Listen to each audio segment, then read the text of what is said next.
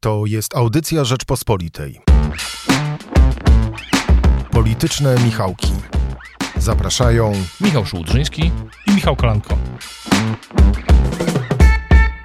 Piątek 29 października zapraszamy Państwa do Politycznych Michałków. Będziemy podsumowali wydarzenia mijającego tygodnia, ale Michale, mam taką propozycję na dzisiaj. Zacznijmy wyjątkowo od, w pewnym sensie od końca. Rzadko tu zajmujemy się egzegezą e, badań, ale były w tym tygodniu mm, dwa badania e, powstały, które moim zdaniem w bardzo ciekawy sposób opisują to, co się dzieje na naszej scenie e, politycznej. Zacznę od badania, które było w, chyba w połowie tygodnia był to raport, e, był to sondaż Instytutu Badań Rynkowych i Społecznych dla Onetu, e, który pokazywał e, tak naprawdę przepływy elektoratów i maksymalne zasięgi poszczególnych partii. I tam bardzo ciekawe rzeczy się działy. 37,7% osób rozważa głosowanie na, na PiS, a nie wyklucza go jeszcze dodatkowych 5,9% natomiast 56% e, nie wyobraża sobie, że kiedykolwiek zagłosuje na PiS. Koalicja Obywatelska 25% wyniku. E, tych dodatkowych, których nie wykluczają, że zagłosują, to jest 9%, ale aż 65% ankietowanych nigdy na Koalicję Obywatelską nie zagłosuje. I co ciekawe, Polska 2050 e, ma mm, tego potencjalnego elektoratu 32%. Tych, którzy nie wykluczają, którzy nie, nie twierdzą, że na pewno nie zagłosują, jest dodatkowych 9%. E, takich, którzy twierdzą, że nigdy nie zagłosują, to procent 58. Z ciekawych jeszcze rzeczy e, jest mianowicie to, że na prawej stronie przepływy elektoratu możliwe są właściwie wyłącznie pomiędzy PiSem a Konfederacją. 39% e, wyborców Konfederacji nie wyklucza, że mogłoby oddać głos na Platformę Obywatelską. Tak duże przepływy elektoratu istnieją tylko między Platformą i Koalicją Obywatelską. Eee, jak, co to znaczy? To znaczy, że PiS ma rację w tej swojej polityczną rację, e, w tej swojej antyunijnej retoryce, bo skoro przepływy istnieją głównie pomiędzy PiSem a Konfederacją, to nie ma co się martwić o umiarkowany środek, tylko trzeba po prostu walczyć o prawą flankę? Nie do końca, bo ten środek jest też w jakimś sensie w PiSie. Ten wyborca PiSu to nie tylko jest taki bazowy wyborca, który, przepraszam, e, to nie jest tylko taki rdzeniowy może wyborca, który, który ma twarde, jednoznaczne poglądy, no ale też są, są tam różnice i e, PiS nie może się też nie obawiać e, tej swojej części elektoratu takiej aspiracyjno-modernizacyjnej, o której często rozmawiamy. Mm, natomiast ten sondaż myślę, że ten sondaż jest rzeczywiście bardzo ciekawy i pokazuje też sytuację w ramach opozycji, bo w tym tygodniu w ramach opozycji wydarzyło się dosyć sporo mimo wszystko. To znaczy mam głównie na myśli przejście wokół Szumana Hołowni głównie, bo to jest i przejście Pawła Zalewskiego do y, Szumana Hołowni, czyli w czwartek, a wcześniej no, Szumanowi Hołowni, czyli jego, udało się jego politykom zorganizować te konsultacje w Sejmie, które generalnie przyciągnęły wszystkich uczestników sceny politycznej, no i e, to, opozycyjnej oczywiście, to się dosyć rzadko zdarza, zwłaszcza w ostatnich miesiącach. E, czyli tak naprawdę ten sondaż nam trochę wyjaśnia to, co się dzieje na opozycji. To może spróbujmy wyjaśnić też to, co się dzieje mm, w obozie rządzącym, ale też za pomocą e, sondażu. Mm, kilka dni temu swój raport przygotował Cebos na temat wyniku, na temat opinii o najważniejszych wydarzeniach krajowych, który pokazuje, że w ostatnich miesiącach bardzo mocno rośnie liczba osób, które uważają, że sytuacja w kraju idzie e, w złym kierunku. E, od e, wakacji ona się powiększa. Co więcej, bardzo mocno rozjechało się przekonanie osób, które uważają, że w ciągu najbliższego roku sytuacja ich się pogorszy. Mm, w połowie roku mniej więcej było, było tych, którzy uważają, że ich sytuacja się polepszy i pogorszy, tyle samo Ci, którzy uważają, że sytuacja za rok będzie gorsza, dziś jest 45 mniej więcej procent dla, do, w porównaniu z 15 procentami, którzy uważają, że się polepszy. Co ciekawe, w tych wszystkich badaniach uderza to, że Polacy o tym, że rzeczy, sytuacja w kraju albo że w najbliższych miesiącach sytuacja będzie szła e, w gorszym kierunku, następuje takie przełamanie pomiędzy, ponieważ w latach 17, e, właściwie do 20 roku e, było przekonanie o tym, że sytuacje idą w dobrym kierunku. Ale jest jeszcze jedna ciekawa rzecz. Tutaj z tego, co słyszałem w tym badaniu właśnie Cebosu, przeważają radykalnie e, przekonanie o tym, że sytuacja polityczna jest zła i że będzie, będzie ona jeszcze gorsza. Są złe oceny dotyczące sytuacji mm, własnego, własnego gospodarstwa domowego. To oczywiście liczba mm, dnia, że tak się wyrażę, e, czyli niemal 7% inflacja ma na to olbrzymi wpływ. E, ale co ciekawe, jedną z grup, wśród których nastroje pogorszyły się najbardziej, są rolnicy. E, przekonanie o tym, że sprawy idą w złą stronę, wzrosło tam właściwie, właściwie trzykrotnie. 28% oceniało sytuację w kraju źle wśród rolników we wrześniu, 73% w październiku. To jest e, chyba tłumaczy też, i to jedna z rzeczy, opis, e, która tłumaczy też sytuację, która jest e, w rządzie, to znaczy zmiany w rządzie nastąpiły w tym tygodniu i PiS ma dużo lepsze badania niż ten sondaż Cebosu i oczywiście też widzi nastroje. I też y, nie trzeba też mieć badań, żeby zobaczyć, jak, jakie są nastroje wśród rolników. Wystarczy e, posłuchać na przykład Michała Kołodziejczaka z Agrounii, który no, w ostatnich miesiącach stał się, myślę, myślę e, osobą, która mocno nie tylko stała się rozpoznawalna, tak samo jak Agrounia, ale też on sam no, kanalizuje czy pokazuje te nastroje rolników też w mediach społecznościowych, on się dosyć sprawnie nimi posługuje. No i to też nie, nic dziwnego, że wicepremierem, od, e, wicepremierem ministrem rolnictwa został Henryk Kowalczyk, bardzo doświadczony polityk, który ma próbować opanować tę sytuację, nie tylko politycznie, wizerunkowo, ale też, jak rozumiem, no, faktycznie. Czyli no, mają pójść konkretne, powinny, tak przynajmniej to byłoby logiczne, że e, konkretne działania mają za tym wszystkim pójść.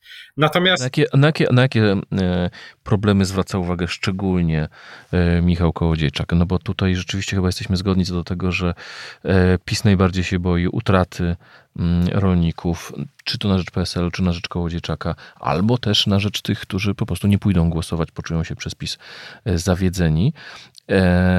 Jakie są dla nich największe problemy? No bo dla nich... Droży... Nawozów, ceny nawozów sztucznych. To, to, jest e, jedna, to jest jedna rzecz, która ostatnio szczególnie którą słychać, jeśli chodzi o Michała Kołodziejczaka i Agrounię, to jest w tym, w tym miesiącu była blokada torów na Podkarpaciu, między innymi Michał Kołodziejczak mówi, że, na, że eksport nawozów sztucznych jest zbyt e, wysoki, że, w ogóle, że jest to była i to jest jedna rzecz, o której, o której mówi.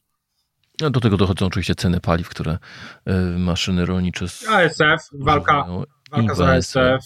No, tych problemów w rolnictwie jest sporo. Myślę, że będą mieli panowie o czym rozmawiać, bo z tego co słyszę, to w przyszłym tygodniu właśnie odbędzie się spotkanie na szczycie, można by powiedzieć, e, Michała Kołodziejczaka z e, ministrem Kowalczykiem.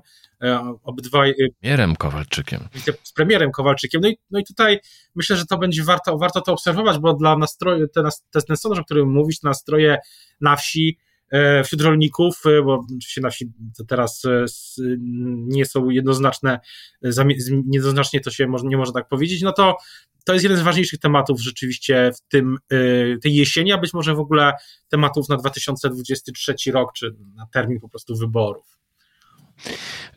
Mówimy o awansie ministra Kowalczyka. Rozumiem, że on miał dwa, e, czy awansie e, Henryka Kowalczyka. On miał dwie składowe. Jedna to była kwestia tego, że został e, ministrem rolnictwa, a dwa, że został wicepremierem.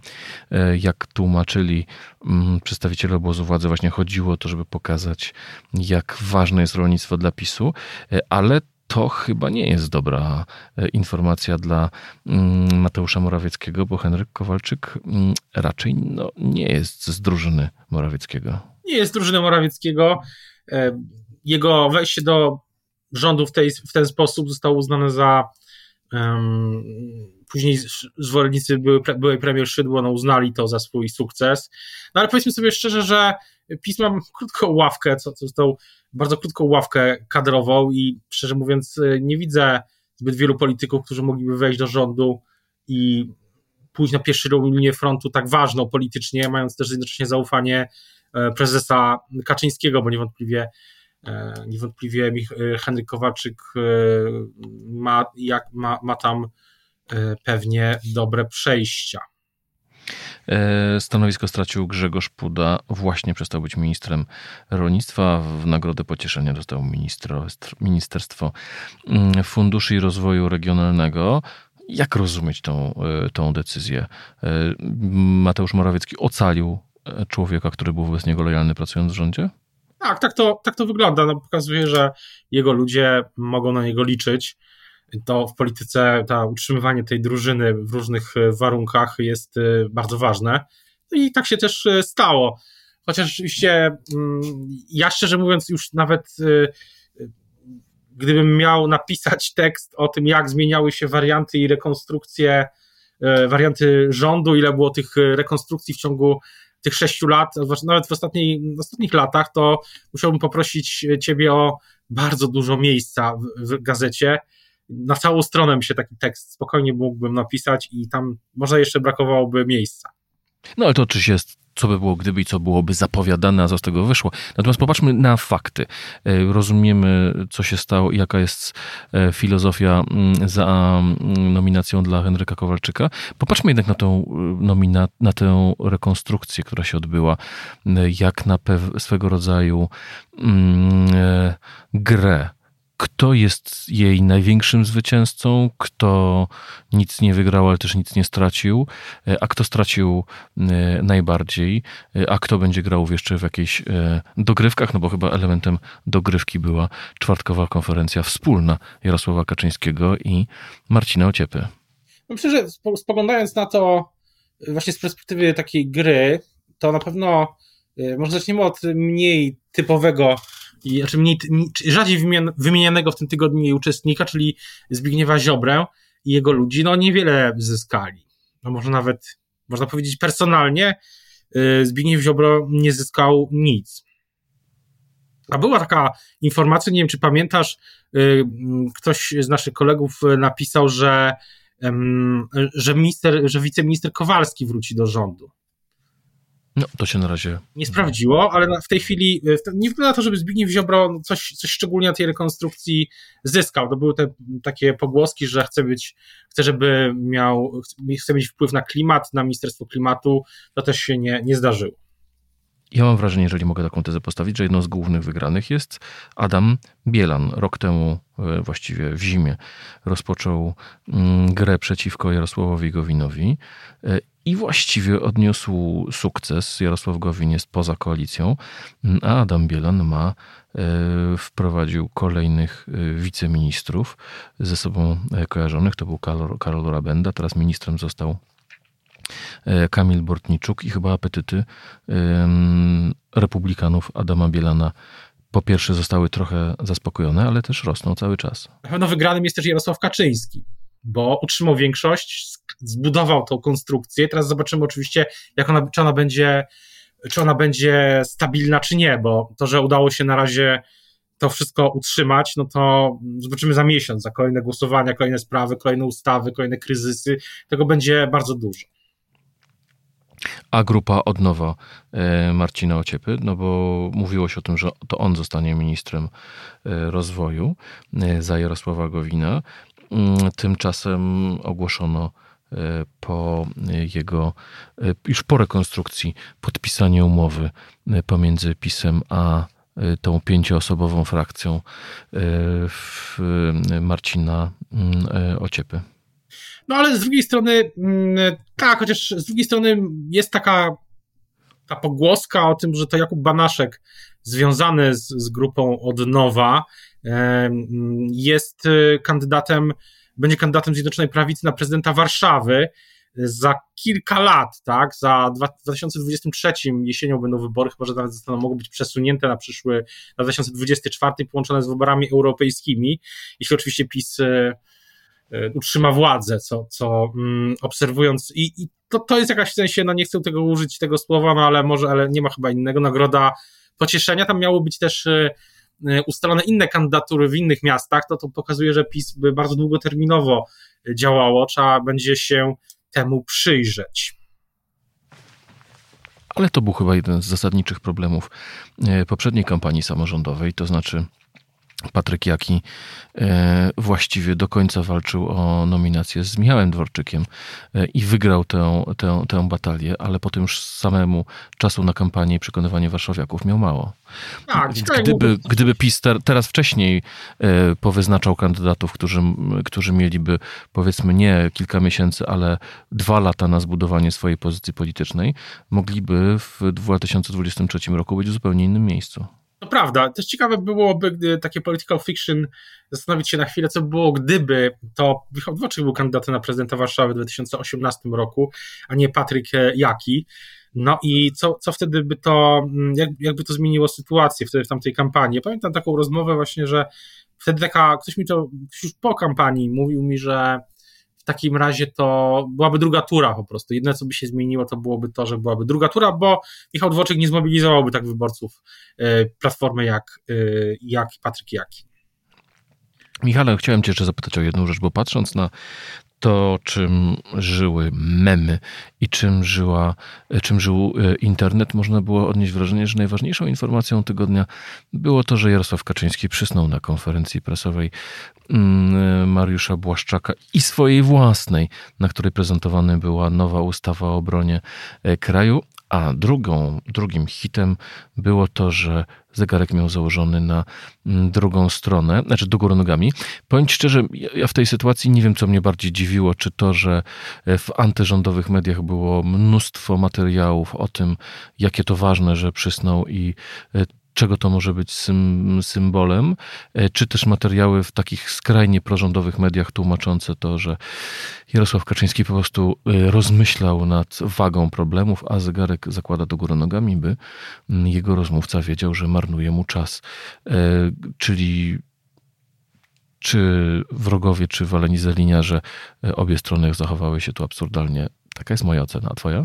Moja ocena jest inna, znaczy podobna, ale jeszcze jeden, jedno, jedną sferę bym poruszył, że dopóki polska polityka będzie komentarzem do tego, co zrobił, czego nie zrobił, czy przysnął, czy ma dobrze założony zegarek, czy źle, do tego, co zrobił, powiedział lub nie powiedział Jarosław Kaczyński, to PiSowi będzie łatwiej wygrywać kolejne wybory, niż gdy polska polityka będzie komentarzem do tego, co zrobił Szymon Hołownia, Włodzimierz Czerzasty, Donald Tusk albo ktoś e, jeszcze inny. Bo cały czas, to jest cały czas reakcja. Czy to Hołownia powinien zasnąć na swojej konferencji? Nie, ale no, gdyby dokonał jakiegoś e, nie wiem, wyłomu na przykład w Zjednoczonej Prawicy, bo o takich rzeczach też się kiedyś e, mówiło, to może się kiedyś wydarzyć, who knows. Jeśli, te sądy, jeśli na przykład będzie teraz erozja, ja sobie tak myślę, że jeśli będzie erozja Y, poparcia dla Prawa Sprawiedliwości na przykład zacznie się przez, nie przez jakieś tam memy na, na Facebooku, rozbawił mi kiedyś taki tekst, przepraszam, że to powiem, ale rozbawił mi kiedyś tekst w Gazecie Wyborczej z taką tezą, że przychodzą, przychodzą ludzie do Platformy i, i mówią, że brakuje memów nie wiem, czy to pan, był taki tekst y, chyba z dwa tygodnie temu, bo myślałem sobie, że bardzo krytyczny tekst. Memów, memów to platformie nie brakuje, ale to nie jest właśnie, to, to nie jest problem, tak?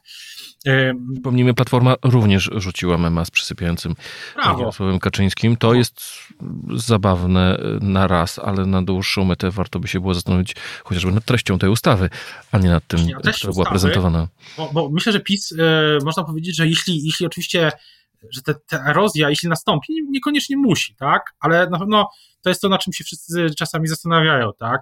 Jak te wpływy, jak te ceny energii, nawozów sztucznych, żywności wpłyną na nastroje właśnie w rolnictwie i poparcie dla PiSu e, w różnych grupach. To na przykład z drugiej strony jest ta ustawa o obronności i ona ma też polityczny wydźwięk. Ja nie jestem ekspertem, jeśli chodzi o o sprawy wojskowe i nie będę się porywał na jakiekolwiek komentarze w tej sprawie merytoryczne, ale politycznie, z tego też słyszałem, no jest, jest zamysł, że to ma część elektoratu integrować, znaczy pokazy, pokazywanie bezpieczeństwa, tej starania o bezpieczeństwo, o obronność, o integralność Polski terytorialną, no też jest elementem strategii politycznej PiSu, która będzie takim pewnie też kompensować te trendy, o których mówiliśmy wcześniej, więc y, przysypianie Jarosława Kaczyńskiego pewnie no, no, sprowadzanie dyskusji właśnie politycznej do tego, że ktoś przys, przysnął, a ktoś ma źle założony zegarek jest, y, jest po prostu no, no, dziwne, to mało powiedziane, natomiast y, jest jeszcze warstwa, mm, no właśnie, Szymon Hołownia mm, na razie zabrał, zyskał posła z, z grupy, mm, z dawnego posła Platformy. Więc, y, ale jeśli na przykład te nastroje się zaczną pogarszać, jeśli e, ta erozja poparcia na przykład za rok będzie widoczna, no to być może Szymon Hołownia jest jedyną oprócz PSL-u po tej stronie opozycji, czy w tym miejscu opozycji e, taką e, środowiskiem, który może przyciągnąć polityków Zjednoczonej Prawicy. I to nie tylko z tej grupy miękkiej, miększej, tylko tej może też bliższej PiSowi, co byłoby naprawdę poważnym wydarzeniem kiedyś, w przyszłości. Zaczęliśmy, zaczęliśmy od y, sondażu, który mówił o przepływach elektoratu między PiSem a y, Konfederacją. Chciałem Cię jeszcze zapytać na koniec o to, jakie są Twoje prognozy dotyczące wpływu wydarzeń E, nazwijmy je europejskimi. Rozmawialiśmy o tym tydzień temu, e, ale w tym tygodniu mieliśmy kolejne salwy. Był z jednej strony wywiad z premiera Morawieckiego dla Financial Times, e, w którym ostrzegał Komisję Europejską przed wypowiedzeniem Polsce trzeciej wojny światowej. To, to, to była jedna rzecz. Potem od ostre wypowiedzi e, polityków unijnych w tej sprawie, między innymi premiera e, Belgii i Luksemburga. E, z kolei we czwartek wydawało się, że sprawa KPO czyli funduszy z Europejskiego Funduszu Ratunkowego, jest na dobrej drodze, ponieważ Ursula von der Leyen stwierdziła, że gdyby premier Morawiecki wpisał e, do Krajowego Planu Odbudowy e, deklarację dotyczącą likwidacji Izby Dyscyplinarnej i uporządkowania statusu sędziów ukaranych przez tą Izbę, e, to wówczas pieniądze mogłyby do Polski popłynąć a premier z kolei stwierdził, że e, dopiero za parę miesięcy Izba zostanie zlikwidowana, a tymczasem, to też w tym tygodniu, Komisja Europejska, e, komisja, na wniosek Komisji Europejskiej Trybunał Sprawiedliwości wylepił karę polskiemu rządowi milion euro dziennie za każdy dzień niewykonania wyroku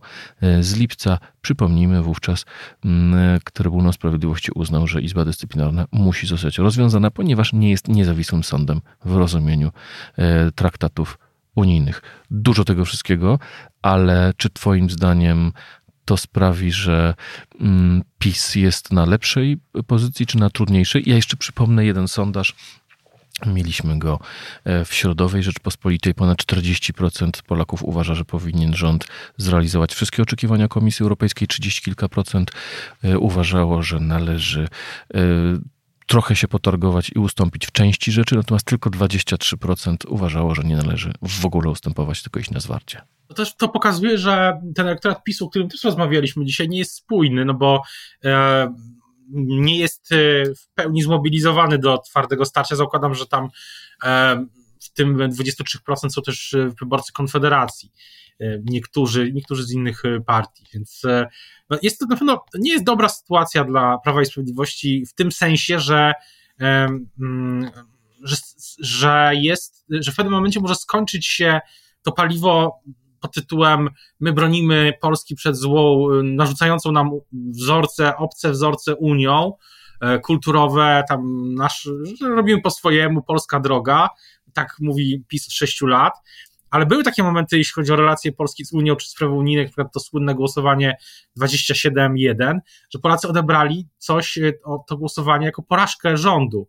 I jeszcze tak sobie tak myślę, że jeśli dojdzie do tego, że że ta... Właściwie nawet nie porażkę Polski, nie, nie porażkę rządu, przepraszam ci przerwę, ale właśnie, to była porażka Polski i upokorzenie dla całej Polski, nie tylko e, dla rządu, ale również dla Polaków. Że może być taki moment, że cała ta że, że ta narracja, o której mówiłem wcześniej, czyli nie, nie damy sobie narzucić żadnych wzorców, ona przestanie działać. To, to może, być, może być zwrot w kierunku tego drugiego nastroju, że, e, że Polska przegrywa, jest coraz gorzej i dajmy sobie z tym spokój. No i wtedy, wtedy PiS będzie miał problem, zwłaszcza, że e, zwłaszcza, że w samej Zjednoczonej Prawicy wydaje się, że nie ma jedności, co, co do końca robić dalej. I też ważnym czynnikiem, o czym pisałem chyba z dwa tygodnie temu, jest pan prezydent i jego mm, podejście do zmian w sądownictwie. PiS ma takie mm, teraz podejście, co zresztą sugerował nawet w czwartek premier Morawiecki, że musi być zgoda prezydenta, e, no, że, że trzeba to najpierw przedyskutować z prezydentem, a później iść do Sejmu z tym. No I dlatego może to wszystko potrwać i no, nie zazdroszczę dzisiaj y, strategom PiSu i też w jakimś sensie rozumiem, że Jarosław Kaczyński mógł być zmęczony na tej konferencji, bo z tych opowieści, które krążą, wynika, że po prostu e, do dłuższych, e, no, prostu, że, że, pracuje do późna w nocy, więc jest nad czym pracować. To, tego, to, co do tego nie mamy wątpliwości. Michale, to chyba e, podziękujemy naszym słuchaczom za uwagę w tego tygodniowym wydaniu Politycznych Michałków. Dziękujemy Michałowi Patyrze mm, i Magdalenie Burkiewicz, którzy realizowali i wydawali naszą e, audycję. Zapraszamy do wysłuchania innych audycji Rzeczpospolitej i do przyszłego tygodnia. Do usłyszenia i do zobaczenia. I spokojnego weekendu 1 listopada i spokojnej zadumy podczas wizyty na grobach bliskich i bezpiecznego powrotu do domu. Słuchaj więcej na stronie podcasty.rp.pl. Szukaj Rzeczpospolita Audycje w serwisach streamingowych.